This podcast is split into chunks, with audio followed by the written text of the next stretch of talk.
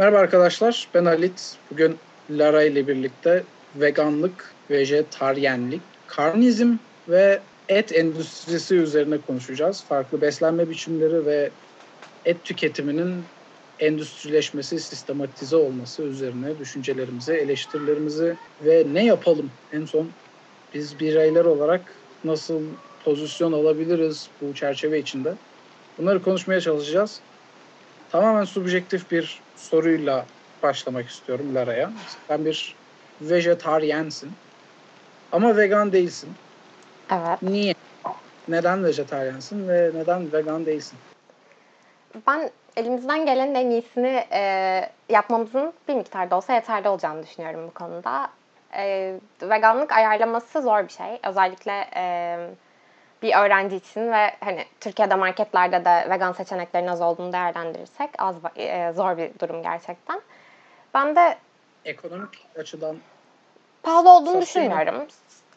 Pahalı olduğunu düşünmüyorum. Gerçekten oturup bunun hesabını yaparsanız veganlığın abarttığımız kadar pahalı olmayacağını görürsünüz. Yani e, bir badem sütünün paketinin 20 lira 30 lira olması veganlığı pahalı yapan şey değil e, hani eksilttiğiniz et ve süt ve peyniri düşünürseniz zaten aslında gayet kurtarıyor kendisini. Ki onun dışında zaten onları tüketmek zorunda da değiliz. Yani e, manava girdiğimizde ah, oradaki herhangi bir şeyi yiyebiliyor olma durumu bile çok güzel. Sadece seçici bir e, sebze tüketicisi değilseniz çok rahat da vegan olarak yaşarsınız. Ama işte dışarıda yemek zor oluyor. Hani bir öğrenci olarak okul kantini, okul yemekhanesi vesaireyle çok birlikte olan biri için şu anlık zor ama ben en azından e, vegan seçeneklerim olduğunda onları da değerlendiriyorum. Bir şekilde böyle bir vicdan hesaplaşması git gelimiz var ama şu an vejeteryanım iyi de gidiyor memnunum. Ben sana sorayım o zaman Halit. Sen neden vejeteryan bile değilsin? Ben neden vejetaryen bile değilim? Çünkü hiç düşünmedim konu üzerine. Yani hiç niyetlenmedim bile. Sıfır. Bunun sebebi de düpedüz bir bencillik. Yani işte şu şu sebeplerden dolayı böyle akıllandırması, rasyonalizasyonu, bir temellendirmesi olan bir şey değil. Bunu yapabileceğimi sanıyordum. Daha önce düşüncelerimi formülize etmeyi denemedim. Et tüketiminin etikliğini formülize etmeyi denemedim. Ama iki gün önce işte bu podcast için hazırlanırken dedim ki bunu yapayım artık. Ve yapabileceğimi düşünüyordum. Elimde birkaç öncül vardı bu öncüllerin etrafına işte datalarla bir şeylerle bir argüman örüp bir formülizasyon bir formül çıkarabileceğimi ve bunun savunusunu yapabileceğimi düşündüm ama yapamadım. Ne düşünmüştün? Nereden? Nereye? Efendim? Formülizasyon olarak neler düşündün? Nereye vardın en son? Elimdeki öncül şeydi. Önce özet olarak onu vereyim. Normatif olarak elimin çok güçlü olmadığının farkındaydım. Çünkü hayvanlarda sonuç olarak e, sentient, bilinçli varlıklar. Onlar da çeşitli duyguları hissedebiliyorlar, acı çekebiliyorlar vesaire. Ben biraz daha pragmatist bir çerçeveden endüstri ve et tüketimini insanlık adına savunabileceğimi düşünüyorum. Fakat o elimde patladı. Çeşitli karbon salınımı dataları ve besin değerleri sebebiyle. Önce normatif bir e, savunma oluşturmayı da denedim ama onu da şöyle yaptım. E, ilk akla gelen düşünce tabii ki zeka. Yani bu benim düşüncem değildi aslında ama hani kapsamlı bir inceleme yapmak için bundan da bahsedelim. Çünkü çok fazla insan et yemenin gerekçesi olarak hayvanların zeki olmadığını, insanların çok daha üstün bir tür olduğunu, bilişsel yeteneklerinin saçma sapan seviyelerde çok çok daha üstün olduğunu dolayısıyla hayvanların ruhunun olmadığı tabiri caizse zeka konusunda insanların ekstrem bir üstünlüğü olduğu doğru. Gerçekten de bizim bilişsel yeteneklerimiz hayvanlarla kıyaslanamayacak seviyede acayip yüksek. Ya, Ay'a gittik. Hani Ay'a gittik biz. Bunun ötesi yok. Bir türün başka bir türü kesip eziyet edip tüketmesi için bu bir argüman olamaz. Bu keyfi bir ölçüt. Acıya duyarlılık, acı acıyı hissetme yeteneği öne çıkıyor. Orada da bizim bir üstünlüğümüz yok. Evet orada bizim bir üstünlüğümüz olmadığı gibi biz bir de hayvanların durumunu da biraz görmezden gelmeye çalışıyoruz bu konuda. Olabildiğince vicdanımızı rahat, rahatlatmak adına onların acı hissini zaten bilmiyoruz, bilemeyiz diye düşünüp geçiyoruz ama aslında bilebiliyormuşuz. Hayvanların da ineklerin, tavukların da bizler kadar anneleriyle ilişki kurma, yavrularıyla ilişki kurma hissi var. Annelerinden ayrıldığını hissediyor bir yavru inek. Annesini arıyor aynı şekilde. Biz e, e, evcil hayvanlarda kedilerimizle, köpeklerimizle bunu biraz daha iyi yaşayabiliyoruz ama belki bir inekle, keçiyle bu kadar ilişki kuramadığımız için bunu fark etmiyoruz ama aslında böyle çiftlikte büyüyen insanlar hayvanları arkadaşı olarak görüyorlar. Bir çocuk direkt bunu anlayarak büyüyor ve e, hayvanın kesilen ve yenilen bir şey olduğunun pratiğini yaşamıyor belli bir zamana kadar. Sadece arkadaş olarak görüyor. Yani doğal süreç aslında belki de biraz böyle. Çocuktan da öğrenmek lazım bunu diye düşünüyorum. Bir de e, insanların acı çekme yetkinliği ya da duygusal zekası daha yüksek olsa bile bu yine hayvanları öldürmeyi meşru kılabilecek bir şey değil. Çünkü insan içi bir karşılaştırma yaptığımız zaman diyelim ki psikopat ya da sosyopat bir birey var karşımızda. Duygusal zekası çok düşük, empati yeteneğinden yoksun. Hatta bir de aynı zamanda acı çekme duyarlılığı da çok düşük. Böyle dilinde sigara söndürüyor falan. Bu bütün kriterlerde standart bir insandan daha aşağıda yer alıyor. Gözle görülür bir biçimde daha aşağıda yer alıyor. E bu insanı yiyelim mi? Yani hayır. insanı yemek yamyamlıktır her türlü. Hı hı. Ve meşrulaştırılamaz. Bunda hepimiz hemfikiriz. O zaman bu metriklerin de sıfır olmadığı takdirde yani bir acı çekme yetkisi sıfır olan bir varlık için bu geçerli. Yani bir masa masayı da yemezsin de ne bileyim bitki için geçerli bu. Hı hı. Ama hayvanın daha düşük olsa bile bu yine yani ölçemiyoruz dedik ya ölçebilsek bile daha düşük çıksa bile bu yine sıfır olduğu anlamına gelmez ve o hayvanı yemeyi meşru kılacak bir karşılaştırma olamaz. Ee, başında konumuzla ilgili veganizm, vejetaryenizm ve karnizm dedik. Karnizm aslında herkesin muhtemelen çok da e, aşina olduğu bir terim değil. E, Doktor Melanie Joy tarafından bir psikolog kendisi. E, onun taraf, onun ortaya attığı bir terim. Diyor ki bu da bizim aslında bazı hayvanları yemeyi kendimize meşrulaştırma inancımız olarak tanımlıyor bu karnizmi. Burada da bu sefer hangi hayvanların yenilmesinin okey olduğu tartışması girmeye başlıyor. Ben de e, bazı dinler işte ineği yasaklar, ineğin belli bir şekilde kesilmişini ya da kabul eder sadece ya da işte domuzu yasaklar vesaire. Ben de hep şeyi sorguluyordum. Çizgiyi nerede çiziyorum? Arkadaşlarıma da şey diye sorardım hep. İşte tavuğu yer misin, hindi yer misin, deve kuşunu yer misin, tavus kuşunu yer misin, kediyi yer misin, beni yer misin falan diye sorardım. Ve ben çizginin aslında hiçbir yerde çizilemediğini fark ettiğim anda artık vejetaryen oluyorum anına gelmiş oldum biraz da. Sen çizgiyi nerede çizersin? Ne düşünürsün bu konuda? Bir et yiyicisi olarak.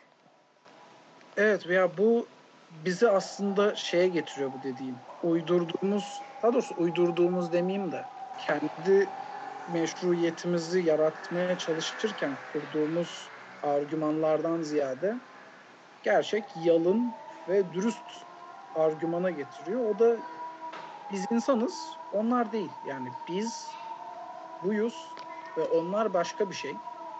Dolayısıyla biz onları yiyebiliriz şeklinde bir argümantasyon, böyle bir gerekçelendirme var ortada. Ve bu bizim tanımı biraz ilginç. Şimdi şunu söyleyebiliriz. Çoğu insan gördüğü şeyleri belli çerçevelere sokar. Ve bu çerçeveler genelde şu şekilde olur. Merkezde bir ben var. O benin etrafında bir takım halkalar yer alır. Dışarı çıktıkça genişleyen halkalar. Mesela en içteki halka aile olabilir.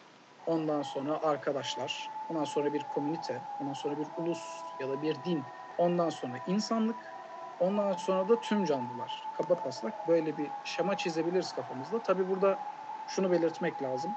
Karikatürize edilmiş bir şema oldu bu. Yani bu kadar net değil tabii ki. Kimisi ailesini ya da komünitesini kendisinin önüne koyabilir. Ama orada da şunu söyleyebiliriz. Ben ideyası kişinin sadece bedenini kendi varlığını değil, bizzat o komüniteyi kapsar yani. Komünite o adam için ben o olmuş olabilir. Ayrıca işte komünitesinden biri, arkadaşlarından biri, ailesinden daha değerli olabilir.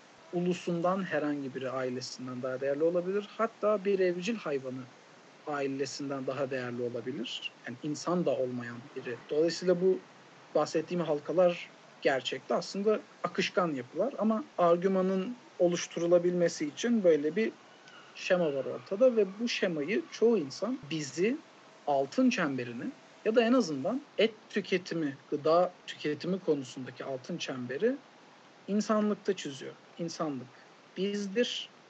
İnsanlığın geri kalanında kalan her şey onlardır ve ötekilerdir. Ötekilerin tüketilmesi de eğer insanın faydasına olacaksa bu meşrudur. Ama bunun altında normatif, etik bir temellendirme yok. Sen o keyfi çiziyorsun o çizgiyi ve onun dışında kalan şeyleri tüketmeyi kendine hak görüyorsun. Dolayısıyla bu normatif açıdan kabul edilebilecek bir argümantasyon değil. Etiği nerede dahil ediyoruz? Kafamızda bu şemayı çizdik ama bir yerde de vicdanımız dürtüyor bizi. Hayvanlar arkadaşlarımız bir yandan. Orada ne düşünmeye başlıyoruz? Burada bir uzaylı olarak durumu değerlendirmemiz gerekirse yani böyle bir değerlendirmenin daha kolay olacağını düşünüyorum. Yani insanları değerlendiriyoruz. Şimdi bu framework'ün keyfi olduğu konusunda hemfikir olursak, hani dinleyicilerden de bu noktada onu bekliyoruz artık. Diyelim ki buna hemfikir olduk. Bu noktadan sonra bu çerçevelerin normatif ya da etik bir değerlendirmesi değil de bu noktaya nasıl geldik ve bu noktadan sonra neler olabilir şeklinde bir değerlendirme yaparsak ya da niye böyle şeklinde bir sorgulama yaparsak karşımıza şu çıkıyor. İnsan ya da herhangi bir canlı büyük ihtimalle etrafındaki her şeye sempati duyabilecek bir canlı değil. Sempati sınırlı bir kaynak. Yani bu ikili ilişkilerde de geçerli. Her arkadaşını eşit seviyede sevemezsin. Ya da okulundaki her hocayı eşit seviyede sevemezsin. Bir dağılım yapman gerekir, bir önceliklendirme yapman gerekir. Ve iki arkadaşının çıkarı çatıştığı zaman atıyorum, daha çok sevdiğin, kendine daha yakın gördüğün arkadaşın çıkarlarına uygun olacak şekilde hareket edebilirsin. Ve bu etik dışı olmaz. Ama tabii örneğe de bağlı. Yani tutup çıkarları çatışıyor diye diğer arkadaşını vurursam tabii ki etik dışı olacaktır ama dediğim gibi uzaylı değerlendirmesiyle anlaşılabilir bir durum. Hı hı. Yani tarlı durum diyebiliriz. Bunu türlere taşıdığımız zaman da şu çıkıyor. Ben işte aileme duyduğum bir sempati var. Ülkeme duyduğum bir sempati var. insanlığa duyduğum bir sempati var. İnsanlıktan çıkıp diğer türlere gelince o sempati bitiyor artık. Yani ben derken burada insanlığı kastediyorum. Yani insanların, kitlelerin sempatisi, enerjisi onları savunmaya, onların iyiliğini, well-being'ini gözetmeye yetmiyor. Ve bu tarihsel bir süreç. İşin iyi yanı bu konuda gittikçe ilerliyoruz. Yani şöyle örnekler verebilirim. Bundan 200 yıl önce ırkçılık, kölelik çok ciddi problemlerdi. Irkçılık hala bir problem. Ama en azından ırkçılığı açık savunan radikal kesimler dışında bir grup kalmadı. Artık merkez ana akım görüşü globalde ırkçılık karşıtı yani ırkçılığın kötü bir şey olduğu neredeyse herkes tarafından kabul edilmiş bir şey. Orayı açtık. Bizim tanımını biraz genişleyebildik. Artık tabii bunda inovasyonun, refahın, teknolojinin gelişmesinin de etkisi var. Yani artık ayrımcılık yapmamıza gerek yok biraz. Dolayısıyla da o noktaya gelebildik. Bu noktadan sonra da işte sırada türcülük var karşımızda. İnsanlığın diğer hayvanlardan, diğer hayvan türlerinden e, daha üstün olduğu, daha öncelikli olması gerektiği şeklinde bir görüş. Bundan kurtulmak kolay olmayacak.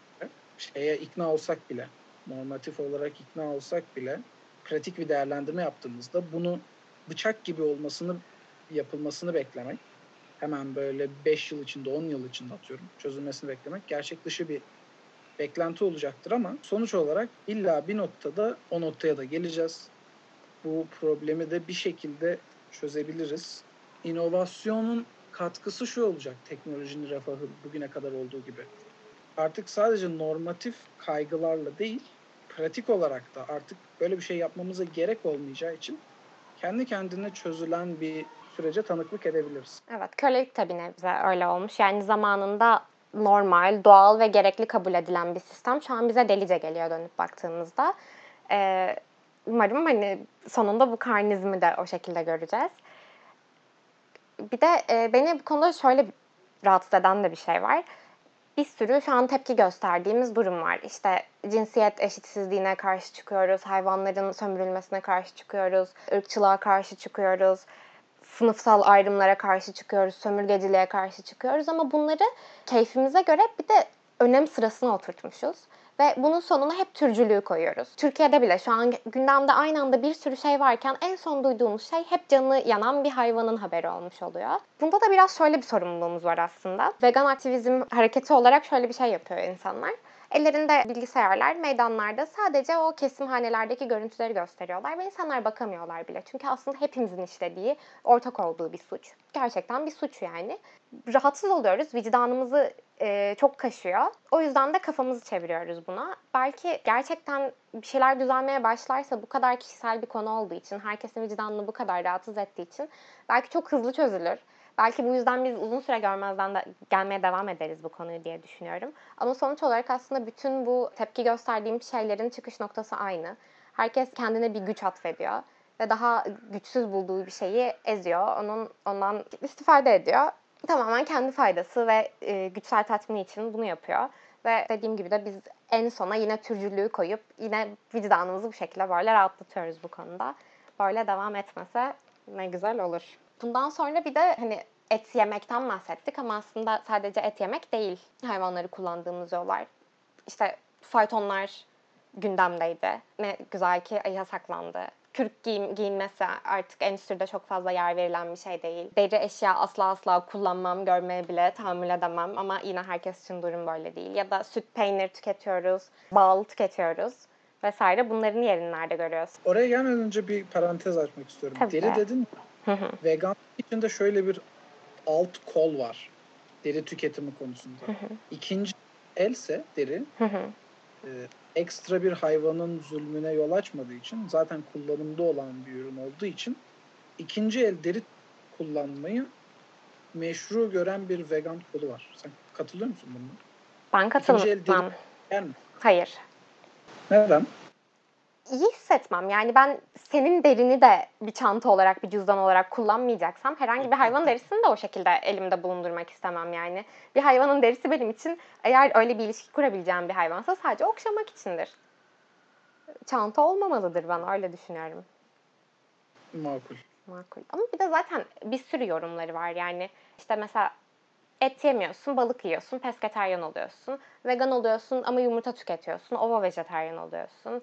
İşte atıyorum bal da tüketiyorsan başka bir şey oluyorsun. Bir sürü yorumları var yani. Tek mutlak bir doğrusu yok bu konunun ama dediğim gibi en başında da hani elinden gelenin en iyisini yapıyorsan bir, ne, bir nebze okey bence. Demin sorduğun soru neydi? Evet dedim ki e, bal tüketiyoruz, yumurta, süt, peynir. Aslında bunlar da e, çok da masum şeyler değil. Kesim hanelerde eziyet gören hayvanlar olmasa bile bu kollarda yine de aslında uzun vadede daha çok acı çekiyor belki hayvanlar bu üretimler konusunda. Yani köyde kendi yumurtanı yetiştirmiyorsan, kendi ineğin üstünü sağmıyorsan eğer bir şekilde destek oluyorsun, ortak oluyorsun aslında bu e, acı çekme sürecine diye düşünüyorum. O yüzden sen ne dersin? Yani dediğin gibi eğer bir köy hayatı içinde kimseye zararını dokunmadan sütünü yumurtanı alabiliyorsan burada zoraki bir e, sömürü söz konusu değil. Ette olduğu gibi. Ette çünkü hı hı. direkt hayvanı yiyorsun yani. E, süt ve yumurtada ya da balda böyle bir durum söz konusu olmak zorunda değil. Ama işin pratiğinde e, bunu yapmak ne kadar kolay? E, tüketilen hı hı. sütün, yumurtanın ne kadarı endüstrinin dışından geliyor, ne kadarı endüstriden geliyor ve endüstriden nasıl geliyor? böyle e, sakıncaları var bu işin. Değerlendirmesi çok daha zor. Yani keskin sınırları olmadığı için senin orada etkin ne kadar ya da markete gidip 12'li yumurta aldın atıyorum. Hiçbiri döllenmiş yumurta değil.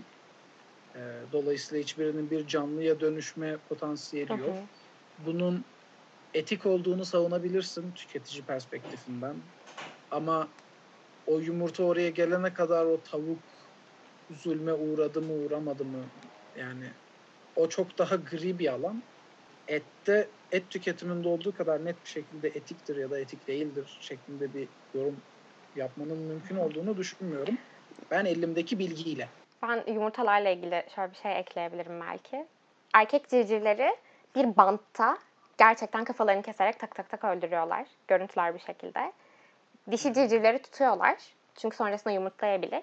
Onların da aynı şekilde üretim bandı, şey diş macunlarının kapaklarını kapatan işçilerin olması gibi ellerinde kesici alet tak tak tak tak gagalarını kesiyorlar birbirlerine ya da oradaki çalışanlara zarar veremesinler diye.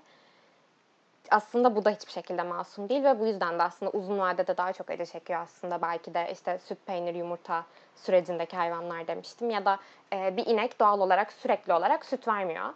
E, süt vermesi için devamlı olarak hamile bırakılıyor. Yavrusu elinden alınıyor. Onun sütünü e, o yavru içmesini, tüketmesini tamamen paketlenip bizim sofralarımıza ulaşabilsin diye. Bunlar da kabul edebilir şeyler değil. Yumurta ile ilgili sadece şöyle bir rahatlık belki birazcık var. Paketlerin üzerinde kodlar oluyor. O kodlara göre sen onların işte serbest gezen tavuk yumurtası mı, işte organik yetiştirilmiş tavuk yumurtası mı vesaire birkaç tane kategorisi var. Hangisi hangi üretimle üretildiğini öğrenebiliyorsun. Öyle bir noktası var. Şimdi senden etin genel olarak endüstriyel tarafını yani hayvansal boyutunu değil de endüstriyel boyutunu birazcık dinlemek isterim. Yani başta dediğim gibi ben savunmamı böyle bir perspektiften yapacaktım zaten. Yani şu, buraya hı. kadar et tüketiciliğine ya da süt endüstrisine yönelik etik görüşlerim aşağı yukarı böyleydi zaten. Sadece bu noktadan sonra şunu savunacak. Evet bir acı söz konusu. Bu arada bu gerekçelendirmeyi yaptıktan sonra tamamen günahsız olduğunu, kabul edilebilir olduğunu, değişmesinin bile gerekli olmadığını söylemeyecektim asla ama yine de böyle hani bir şeytanın avukatlığını yapayım diyordum. Onu da şu şekilde yapacaktım. Bir eziyet ya da bir sömürü durumu mevcut.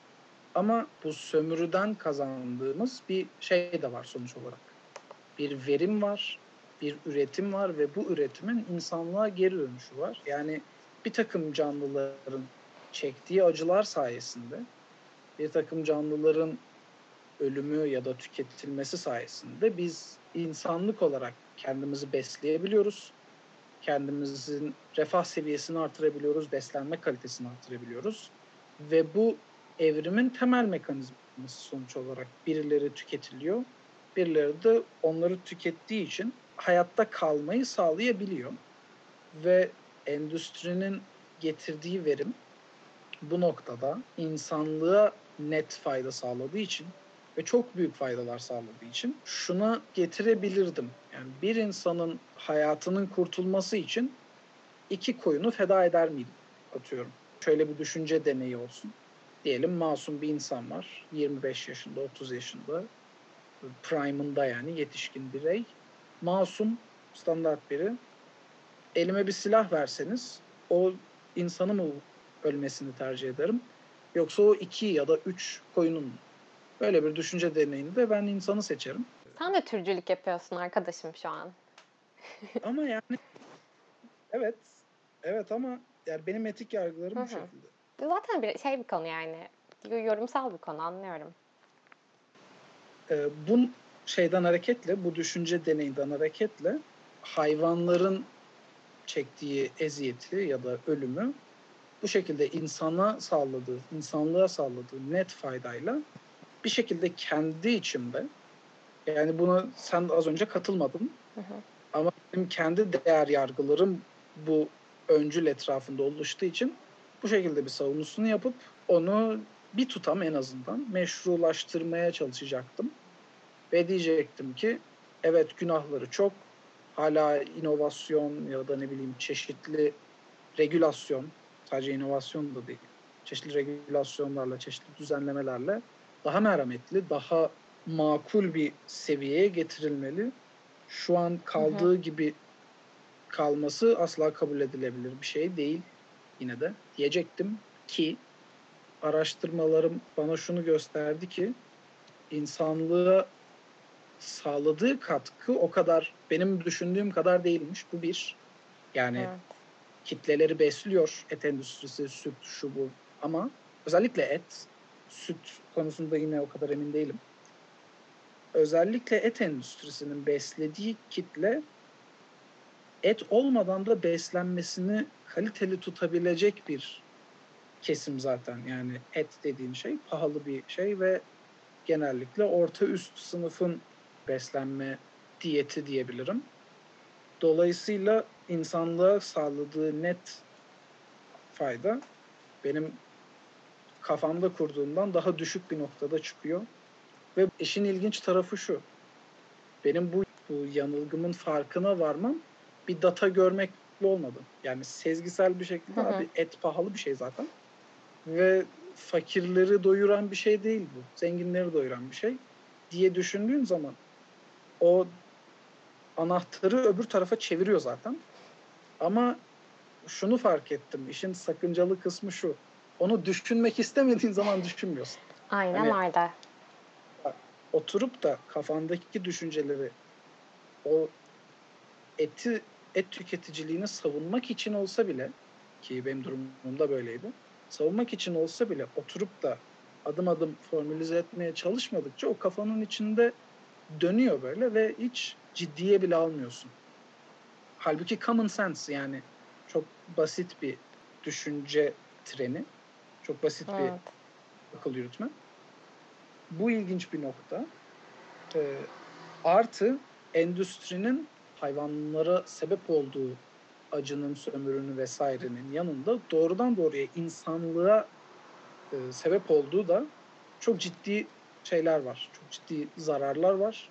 Et tüketiciliğinin değil, et endüstrisinin zararları var.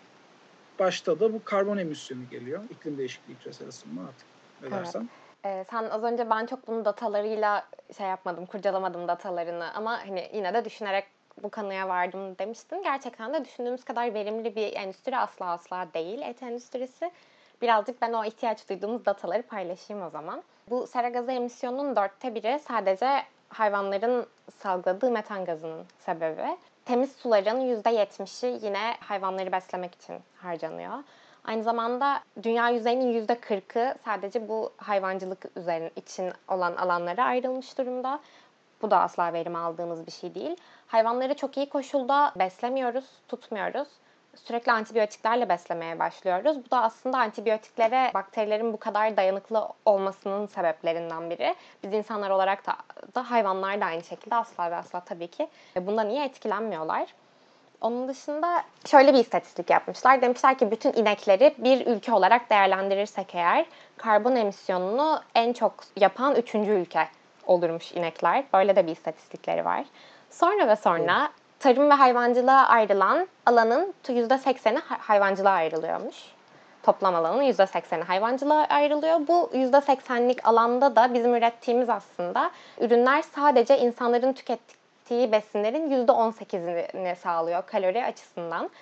Bu da hiç hiç verimli bir hesap değil aynı şekilde. Böyle devam edersek 2050 yılında %16 daha fazla yiyeceğe ihtiyaç duyacakmış insan popülasyonu ve hayvancılıkla bunu sağlamaya çalışırsak bu hiç hiç iyi bir yere gitmeyecek aynı şekilde. Bir de yine benim canımı gıdıklayan bir istatistik daha var. Sana sorayım bunu da.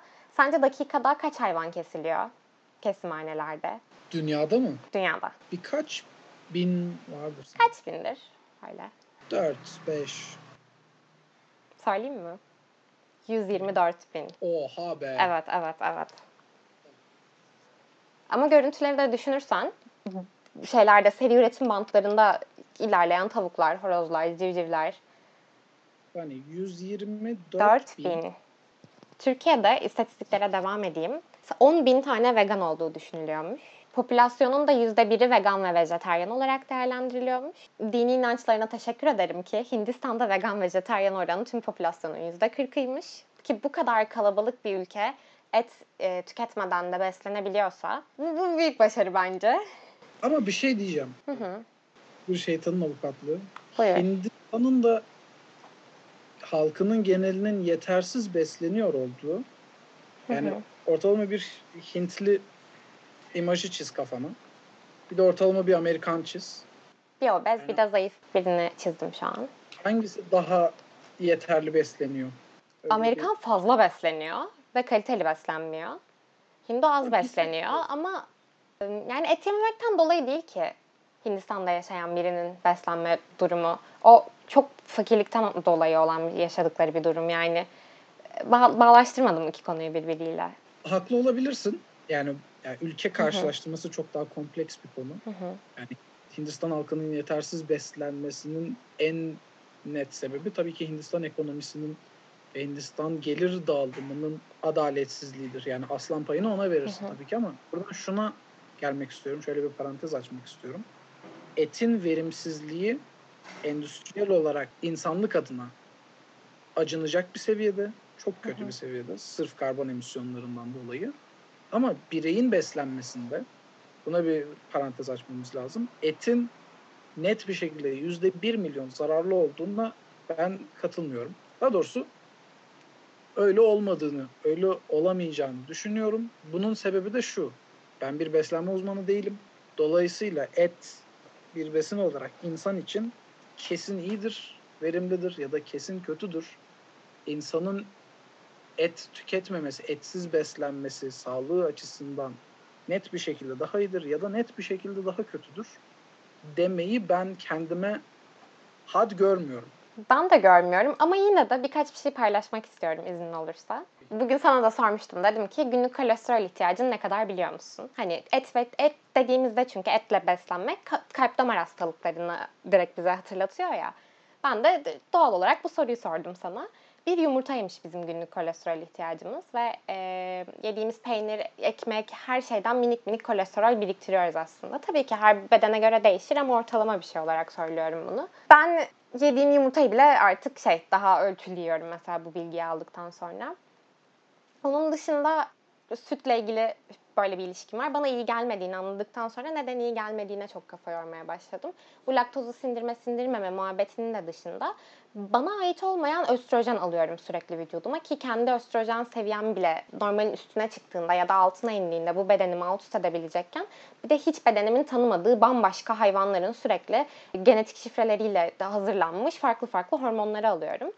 Bunu da benim bedenim iyi tolere etmiyormuş mesela. Dediğim gibi kişiden kişiye değişir durum. Yani ben yine son tahlilde daha fayda olabilir. O yüzden et yemeye aynen devam demeye getirmiyorum. Sadece e, bu işin değerlendirmesi gereken faktörlerinden bir tanesi de bireye doğrudan insan bedenine etkisi ve bu noktada net bir yargı yapabilecek durumda değiliz. Hani her sonuçta bir podcast yapıyoruz ya, kapsamlı bir değerlendirme yapmaya çalışıyoruz. Doğru. O yüzden işin o tarafında da açık bir kapı var en azından. Orayı net Kesinlikle. bir şekilde e, discard edemeyiz. Onu söylemeye çalışıyorum. Bir bilgim daha şu. E, direkt bana şey denir. Aa işte sen nereden protein alıyorsun? Bıdı bıdı bıdı. Ispanak, marul, bakliyat, her şeyde protein var okey. Hepsini geçtim. Birincisi hayvan o proteini kendisi üretmiyor. Zaten ototrof bir canlı değil. Ne yapıyor? Bitkiden yediğini dönüştürüyor. Kendi yapısına katıyor. Sadece mısır ve fasulye yiyerek ihtiyacımız olan bütün amino asitleri alabiliyormuşuz. Bu bence olan? bütün amino asitleri alabiliyormuşuz çeşit olarak. Sadece mısır ve fasulyeyle. Bu bayağı yani doğanın armağanı olarak ben bunu değerlendiriyorum. Proteinlerimi şey... etmenize gerek yok arkadaşlar. Ben besleniyorum merak etmeyin. Böyle benim de aklıma şey geldi. Hı hı. hiç bir, tane vegan bodybuilder vardı.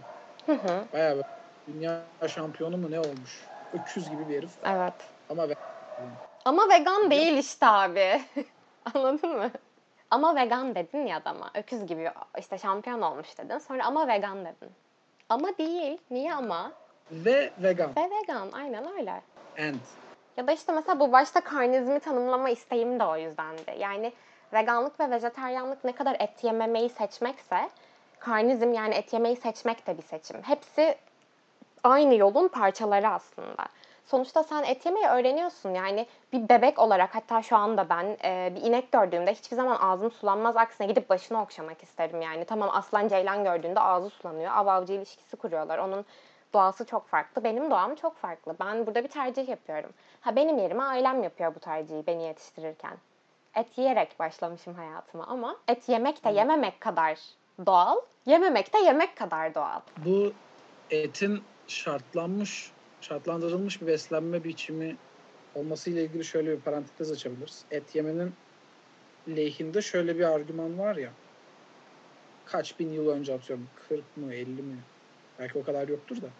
İşte bir noktada insan ateşi kontrol etmeyi öğreniyor. Ve ateşi kontrol etmeyi öğrendikten sonra eti pişirerek yemeyi öğreniyor. Ve eti pişirerek yiyince bir etken madde mi ortaya çıkıyormuş. Neymiş? Bir besin değeri bir şey. O insanın bilişsel yeteneklerini evrimsel sürecinde şu an hani şey dedik ya hayvanlara göre kıyaslanamayacak kadar yüksek bir bilişsel yeteneğimiz var bizim. Bu yeteneği kazanmamızda çok ciddi bir rol oynamış. Hatta kimileri aslan payını atfediyor buna. O yüzden de şöyle bir argüman var. İşte biz medeniyet olarak bu noktaya et yiyerek geldik. Eti pişirerek yiyebildiğimiz için geldik. O yüzden de işte eti e, tüketmemiz lazım. Çünkü çok faydalı. İşte zeki, zeki yapıyor. Bizi evrimleştirdi falan filan. Bu doğru mu bilmiyorum. Safsata da olabilir. Fakat doğruysa hı hı. bile şöyle bir şey var. Evrimleştik zaten. Hani geçtik orayı ya. Aynen öyle. Bitti, bitti zaten ve şeyi de görüyorsun. Hani şöyle bir argüman da sunulamaz üstüne. Eğer et yemeyi bırakırsak geriye döneriz gibi Hı-hı. bir argüman da sunulamaz. Çünkü günümüzde bir sürü vegan vejetaryen beslenen insanlar var ve bu insanlar salak olmuyor. Yani o da aptalca bir akıl yürütme olurdu. Bunda evet. herhangi bir e, verification'a ihtiyaç duymadan da bu sonuca varabilir. Bu argümanı evet. def edebilir. Onu da bir parantez içinde vermiş olalım. Teşekkür ederim. Güzel bir noktaydı. Özellikle vegan ve vejetaryenlere salak olmuyorlar ya dediğin için de teşekkür ederim. Direkt çünkü B12 unutkansınız siz bıdı bıdı bıdı muhabbeti de açılıyor buradan. Aa evet ama bak evet. B12 hakikaten şey yokmuş. Hı. Genelde evet hayvansal gıdalardan, şeyden balıktan falan alıyorsun. Takviye olarak ben... alıyorum. Ama ben et yerken de alıyordum. Yani aşırı kansızdım. Et yemiyordum çünkü ama yiyordum gibi bir durum olunca kötü besleniyordum. B12'yi veganların tüketmesine imkan yok. Çünkü bitkilerde asla almıyormuş. Hı hı. Vegan bir arkadaşıma sordum. Hı hı. Dedi, hap alıyorum. Evet. Yani haplarla sadece B12 takviyesi yapabiliyorlarmış. Ama ona da yapı ver ya. Hani o kadar geliştik şey... buraya da geldik ve zaten şey e, İtopyası da vardır ya artık yemek yemeyeceğiz, haplarla halledeceğiz her şeyi. Başlamış mıyız yani, acaba ona? Hapı da var. O kadar da değil. Aynen öyle. Geri dönelim istersen. Biraz saptık. Geri dönelim. En son herhalde ne, yap ne yapacağız? Oraya mı geldik? Ne yapmalıyız? Yok. Ondan önce endüstrinin bir eksisini daha bahsedecektim ben. Evet. Bu biraz daha çetrefilli bir konu. Kayıp gönderge problemi adı. Bunu nerede gördüm ben? Carol J. Adams'ın Etin Cinsel Politikası diye bir kitabı var. Orada e, Adams'ın oluşturduğu bir argümantasyon, bir teori ya da hipotez artık neyse. Diyor ki endüstri e, bir hayvanı, bir canlıyı alıp onu kesip, biçip işte belli proseslerden geçirdikten sonra sana öyle bir sunar ki o eline aldığın şeyin bir zamanlar bir canlının bedeninin bir parçası olduğunu ve bu canlının bir zamanlar koştuğunu, gezdiğini, güldüğünü, eğlendiğini, e, annesini ya da yavrusunu sevdiğini, tıpkı bir insan gibi bunları düşünmene engel olur, engel olur, özünden koparır. Yani örnek vermek gerekirse sen elinde bir sucuk aldığın zaman ya da sosis aldığın zaman onun bir koyun olduğunu, o koyunun nerede doğduğunu, nerede yaşadığını, hangi şartlar altında yaşadığını, nasıl öldürüldüğünü, nasıl kesildiğini, e, kesildikten sonra o etin ne tür işlemlerden geçtiğini hiçbir şekilde düşünmezsin. Senin elinde sadece bir sosis parçası olur ve o sosisin lezzetli olduğunu düşünürsün sadece. Aradaki süreci endüstri senin için tamamen ortadan kaldırır ve bu da kayıp göndergedir diyor. Kayıp göndergenin sakıncasını da şöyle açıklıyor. Bir pazar kahvaltısı görüntüsü düşün. İşte omletler yapılmış, sucuk gelmiş, portakal suları sıkılmış, çikolata mikolata akıyor böyle sofra. Böyle bir konjonktürde, böyle bir resim içinde ailenin hiçbir üyesi o masadaki ürünlerden biri olan sucuğun bir zamanlar canlı olduğunu, bir zamanlar nefes aldığını vesaire düşünmek istemez. Eğer düşünmesi gerekseydi yemezdi.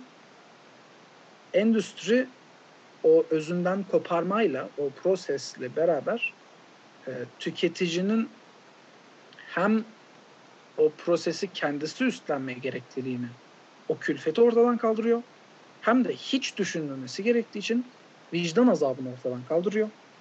Dolayısıyla da e, et tüketimindeki e, global seviyede bu kadar fazla olmasını endüstriye bağlıyor ve endüstriyi bir çeşit kötü adam böyle bir evil force olarak okuyucuya sunuyor. En azından ben öyle anladım. Ee, bu şey geldi bana. Fazla naif, fazla saf geldi. Çünkü bu şöyle bir varsayımda bulunuyor. İnsanlar aslında çok iyi, insanlar çok merhametli, endüstriden önce de merhametliydi. Şu anda merhametliler aslında da işte endüstri araya böyle bir boşluk açtığı için bu uçurumda o kayıp gönderge içinde işin özü tabiri caizse kayboluyor.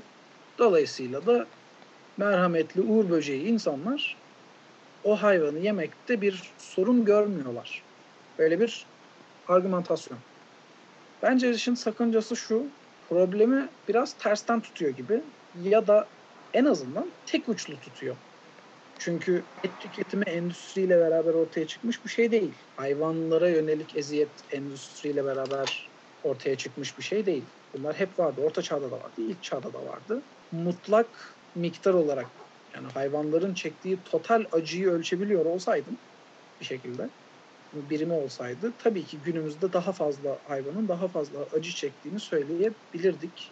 Çünkü bir kere hayvan sayısı çok daha fazla zaten. Ama bunun sebebi daha doğrusu bu karşılaştırmadan yapılabilecek çıkarım şu değil. İnsanlar aslında çok iyiydi. Biz endüstriyle kötü olduk.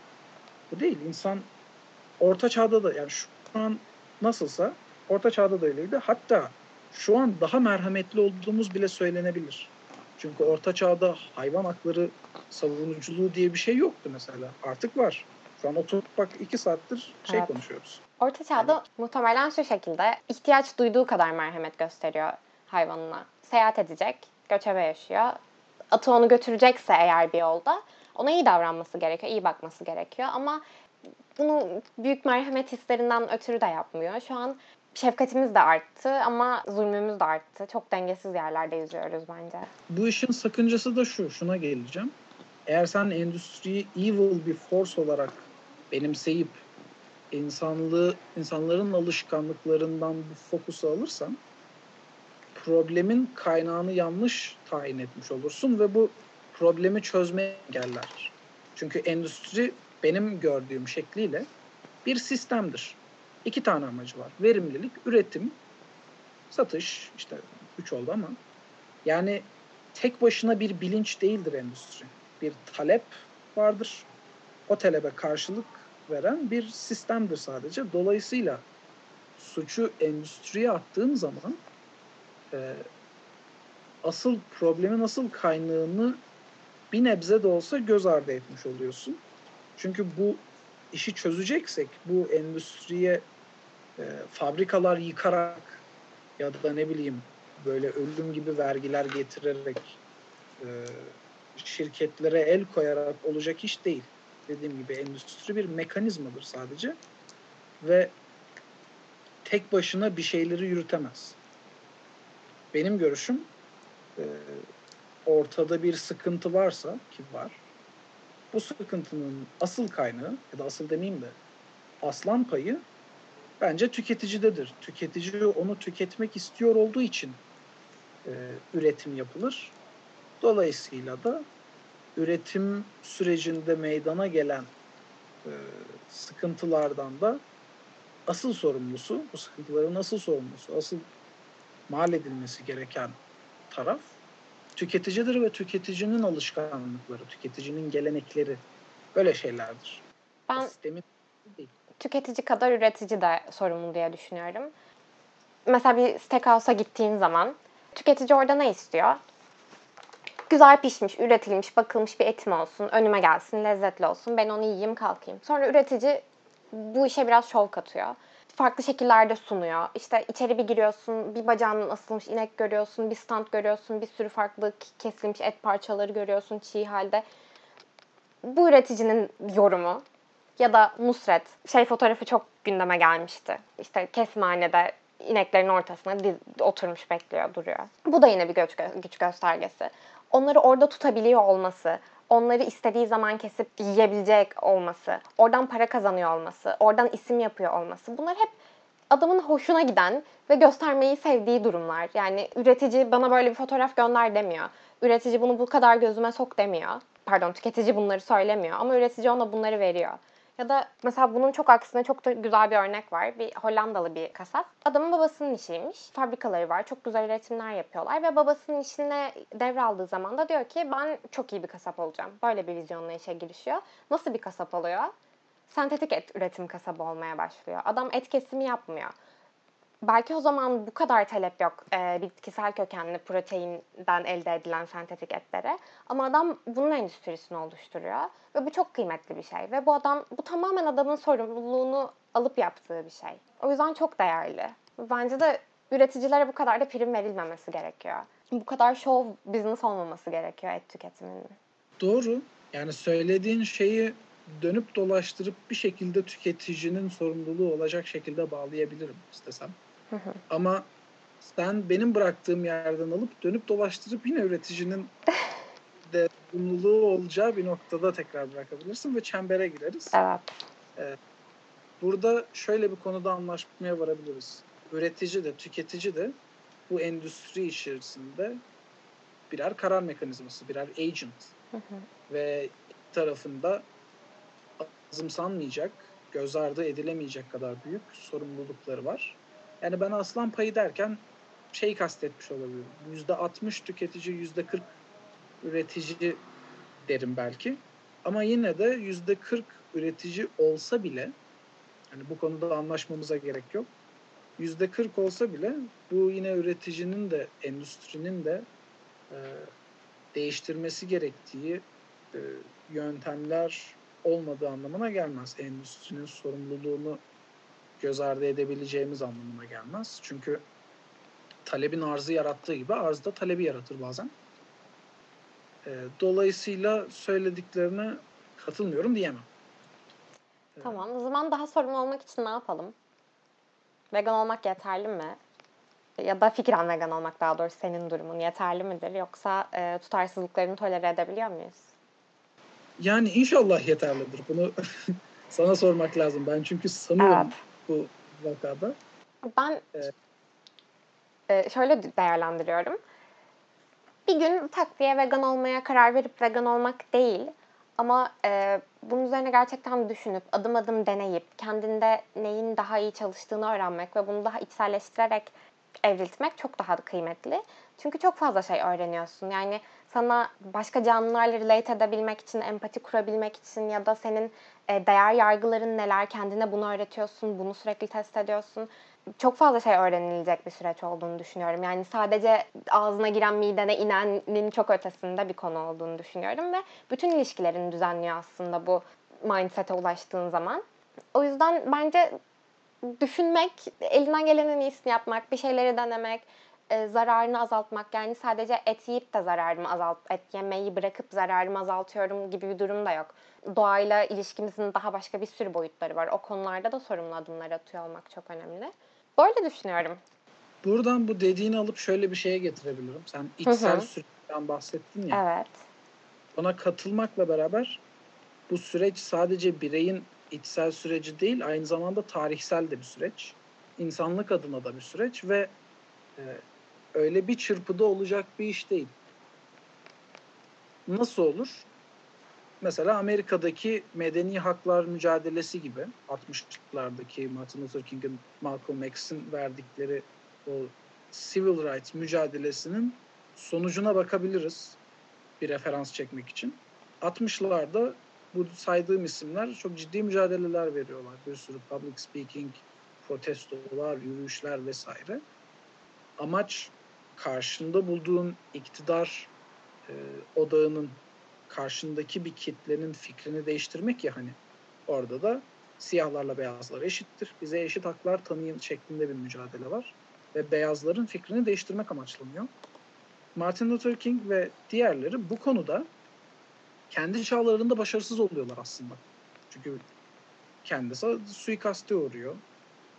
Kendisi miydi? Malcolm X sanırım suikaste uğruyor. Biri de hapse atılıyor falan. Yani öyle şey onur madalyaları kazanıp Beyaz Saray'da ağırlanan isimler değiller bunlar. Mücadeleyi kaybediyorlar. Ama kendi çağlarında ama o mücadele verdikleri beyaz insanların çocukları bugün atıyorum Black Lives Matter e, protestolarına destek veriyorlar. Artık ırkçılık global bir şekilde yanlış. Yani radikal gruplar dışında artık ana akım görüşü ırkçılığa yönelik ırkçılığın aşağılık bir şey olduğu yönünde. Aklı başında kimse ırkçılık savunmuyor. Savunanı da ciddiye alınmıyor. Ve bu çok güzel bir şey. Ama bu noktaya gelmemiz bir 50 yılımızı aldı. Bu da bir gerçek. Veganlığa da şöyle getireceğim. Biz bugün e, ben daha doğrusu fikren e, veganlığın doğru bir tutum olduğunu, etik bir tutum olduğunu kabul ediyorum. Ve bu yönde alışkanlıklarımı da bu yönde değiştirebilecek şekilde ufak tefek e, adımlar atmaya çalışıyorum. Başarısız olsam bile ben sonuç olarak e, fikri düzeyde payıma düşen değişimin bir kısmını en azından yaşadım şimdiden. Yani fikrimi değiştirdim, mentalitemi değiştirdim. Ve bu bu tarihsel süreç içinde benim sorumluluğumu karşılamış oluyor aslında. Yani ben et tüketmeye devam edebilirim ama benim çocuğum tüketmez. Ya da torunum yani çocuğum vejetaryen olur, torunum vegan olur atıyorum.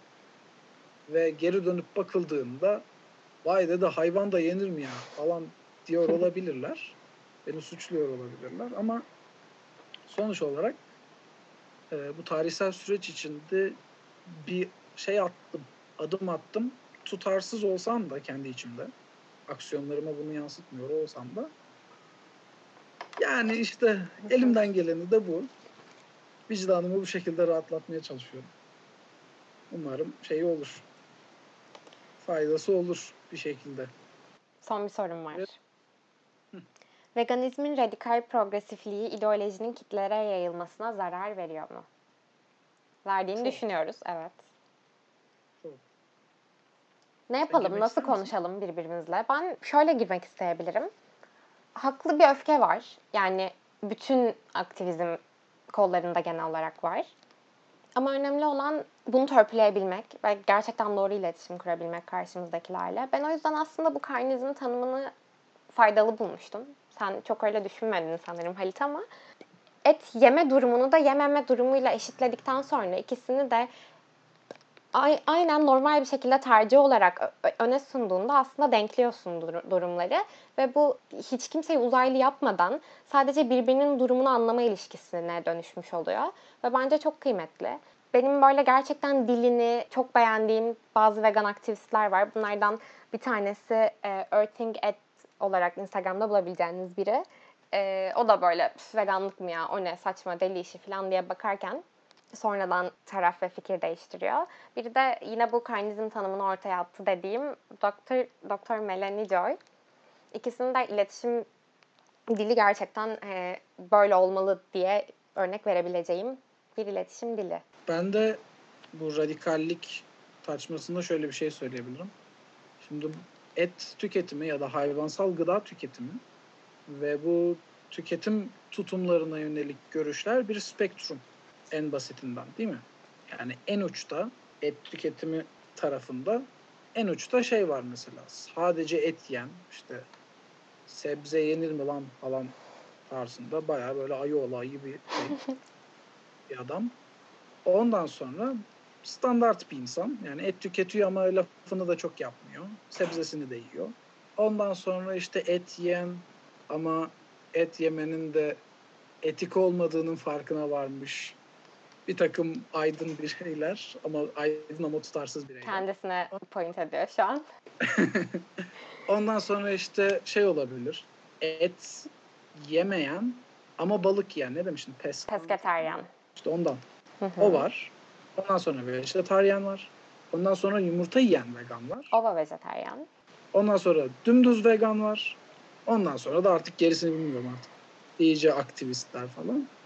Şimdi sen bir düz bir vegansın atıyorum. Spektrumun öteki ucundaki adamı şeytanileştirebilirsin. Standart bireyi de normal et tüketen hiç alakası olmayan bireyi bile çok şiddetle eleştirebilirsin. Beni de eleştirebilirsin. Tutarsız, samimiyetsiz vesaire çeşitli şekillerde itham edebilirsin. Ama vejetaryanı da eleştirme. Anladın mı? Komşun Ya da- o senin. Ya da sadece balık yiyene biraz müsamaha göster. Yani de ki en azından çabalıyor. En azından kırmızı et yemiyor.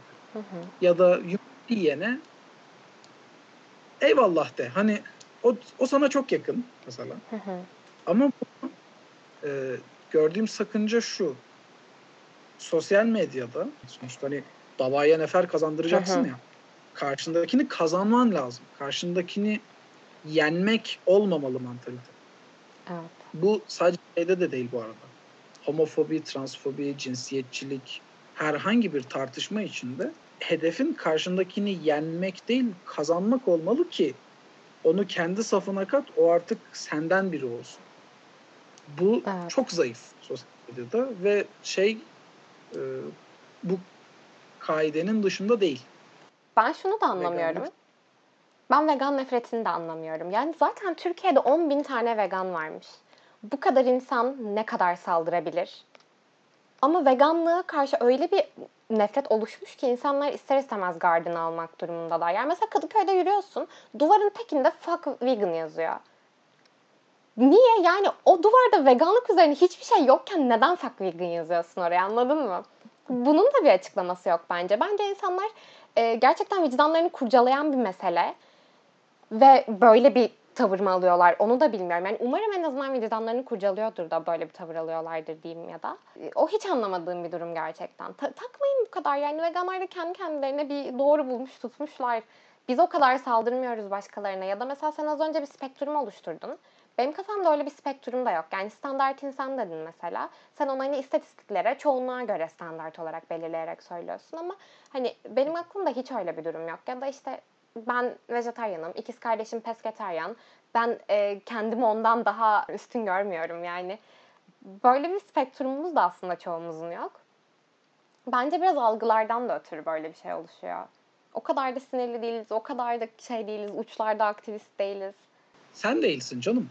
Yani ben gördüğüm şeyden Hı hı. yola çıkarak söyledim böyle bir şeyi. Ama hayır işte mesela senin standartlarını ben de oluşturayım anladın mı? Hani beni de denkleme kat, öteki tarafı bas şey yapayım, indireyim birazcık. Bence bunu da görmüyoruz.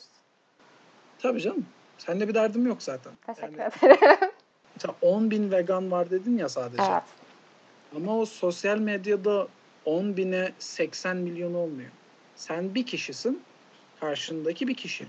Ve karşındaki 3-5'e dönüştüğü zaman mesela sen bir tweet atıyorsun. Onu 5 kişi reply atıyor böyle peş peşe. Yani biri atıyor, onun arkadaşları geliyor böyle. Ve 10 bin, 10 bine 80 milyon da olsa ulusal data o an sen 1'e 5 yakalandın. Anladın mı? Hı hı. Ve o anın bireysel deneyimi ve Hı o deneyimin bireyde yarattığı sonuç herhangi bir datayla değiştirebilecek bir şey değil. Yani o bir kere ayar oldu mu ona mümkün değil kazanamazsın bir daha. Ve yani bu adamın haklı olduğu anlamına gelmiyor Hı hı. vegan kart kullanımı. Sadece sen kazanabileceğin bir şeyi kazanma şansını kaybettin. Evet. Sakıncası bu. Anlıyorum demek istediğini ama işte ben de tam bu noktada o yüzden beni de şey yap dedim. Denkleme kat. Hani e, uç şeylerle karşılaşıyorsun ama ortalama böyle daha e, ılımlı insanları da şey katarsan o şey o fena aktivizmliği biraz aşağı çekersin yani. Görmezden gelme. Bu bu arada söylediğim şey Hı hı. benim görüşüm Hı değil. hı.